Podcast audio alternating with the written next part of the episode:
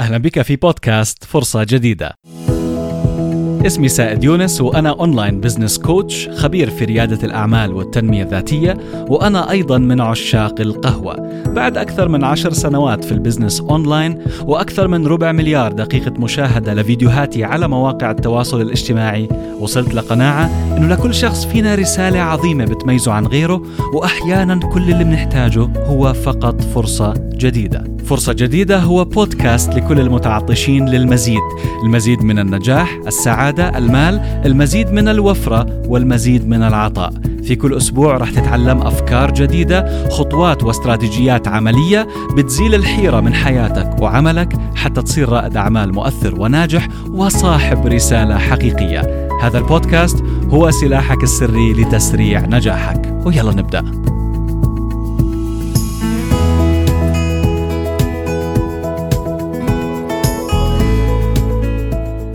السلام عليكم. أهلا وسهلا فيك. معك سائد يونس. اليوم راح أشارك معك فكرة واحدة. تخيل فكرة واحدة عن الأهداف ووضع الأهداف وتحديد الأهداف. هاي الفكرة لو فهمتها صح وطبقتها في حياتك راح تلاقي نتائج مبهرة بإذن الله تعالى.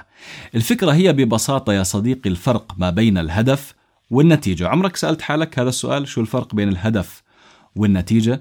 كل الناس بيحبوا يحطوا أهداف وكثير بتيجيني أسئلة وتعليقات وكثير بتيجيني طلبات إني أحكي عن كيف نضع ونحدد أهدافنا بشكل صحيح. أكبر خطأ يقع فيه الناس اللي بدهم ينجحوا إنه هو بيحدد أهداف بدون ما يعرف النتيجة. تخيل معي السيناريو التالي. في شخص حطاب بيحطب في الغابة بيروح بيقطع الأشجار. صحي بيوم من الأيام وحط لحاله هدف. قال أنا هديك الشجرة الكبيرة بدي أخبط عليها بالفأس ألف خبطة عشان أوقعها. وفعلا راح بكل قوة وهمة وبلش يخبط. واحد اثنين ثلاث أربعة مية ميتين خمسمية ستمية بلشت الشجرة تتمايل عند الستمية وخمسين ها بلشت تميل عند الستمية وستين وقعت الشجرة. هل منطقي إنه هو يحكي أنا لسه ما حققت هدفي؟ أنا هدفي إني أعمل ألف ضربة على الشجرة. ما حققته بدي أكمل حتى لو بضرب بالهواء.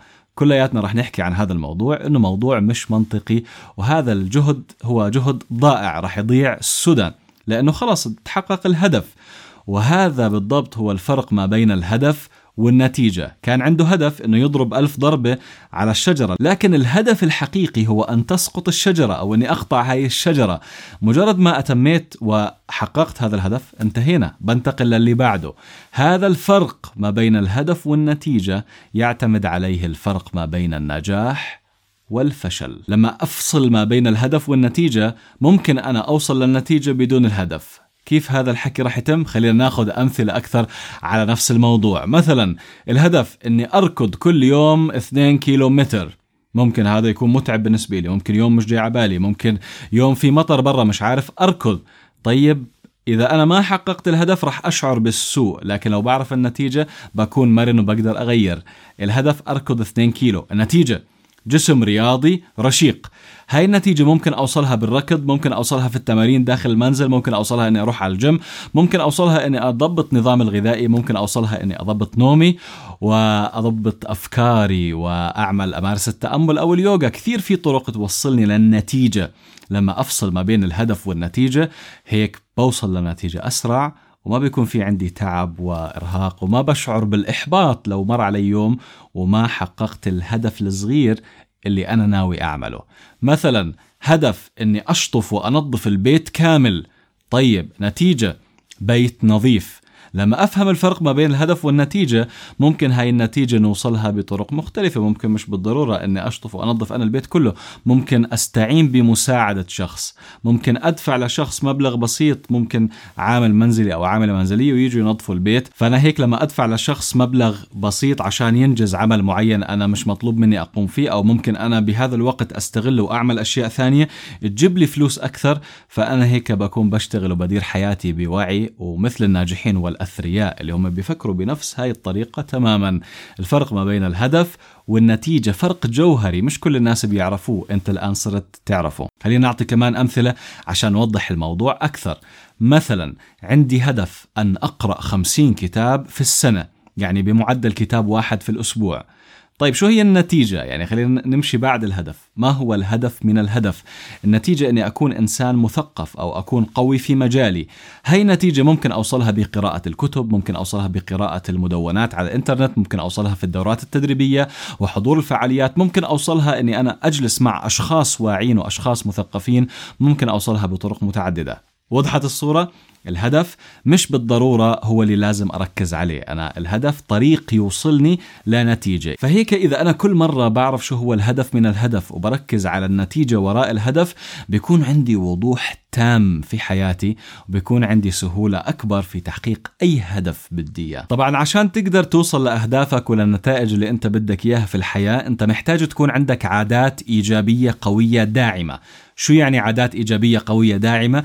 يعني عندك عادات يومية بسيطة هاي العادات فيها قوة في حياتك بتدعمك وبتقويك وبتخليك أكثر نجاحا. لو بتحب تتعلم كيف تخطط لحياتك صح وتنمي العادات الإيجابية في حياتك بإمكانك تحصل على كتاب كيف تنجح قبل أن تبدأ. هذا الكتاب اللي راح يساعدك خطوة بخطوة إنك تحط أهدافك صح وتعرف شو هي النتائج ما وراء الأهداف والأهم أنك تبني العادات الإيجابية اللي راح توصلك لأهدافك. بإمكانك تحصل عليه كنسخة ورقية على موقع جملون أو بإمكانك تحصل عليه أيضا من كل أنحاء العالم من خلال الرابط اللي الآن موجود في صندوق الوصف. وهنا بحب أسمع منك. يا ترى شو في عندك هدف مهم بحياتك إلك فترة عم بتحاول تحققه؟ إذا أنت نويت فعلا أنك تكون واعي أكثر في تحديد الأهداف وتفهم الفرق بين الأهداف والنتائج.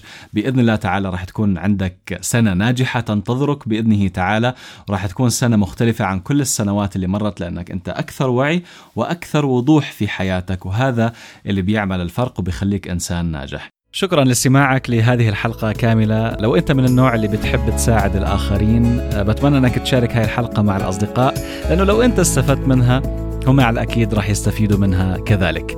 وإذا عندك أي أسئلة بإمكانك ترسل لي إياها دائما على الإيميل support at سائديونس.com support at سائديونس.com هذا الإيميل بإمكانك تبعث عليه أسئلتك ويمكن أستخدم سؤالك بيوم الأيام في حلقة من الحلقات المستقبلية. ولو أنت مهتم بهذا النوع من المحتوى الريادي والتطويري بشكل يومي بدعوك إنك تتابع حسابي في إنستغرام سائد يونس S A E D Y O U N E S S. وبالنهاية في عندي طلب شخصي منك أنا عندي قناعة فعلا أنه إحنا هون عشان ننمو ونتطور وكمان عشان نساعد الآخرين مع بعض. أنا وإنت خلينا اليوم نساعد أشخاص أكثر. من فضلك أترك تقييم إيجابي من خمس نجوم لهذا البودكاست على آي تيونز وراح أكون ممتن جدا لك وبمساعدتك بإذن الله تعالى راح نتمكن من تحسين حياة المزيد من الأشخاص. شكرا لاستماعك وألقاك في الحلقة القادمة. السلام عليكم. سائد يونس.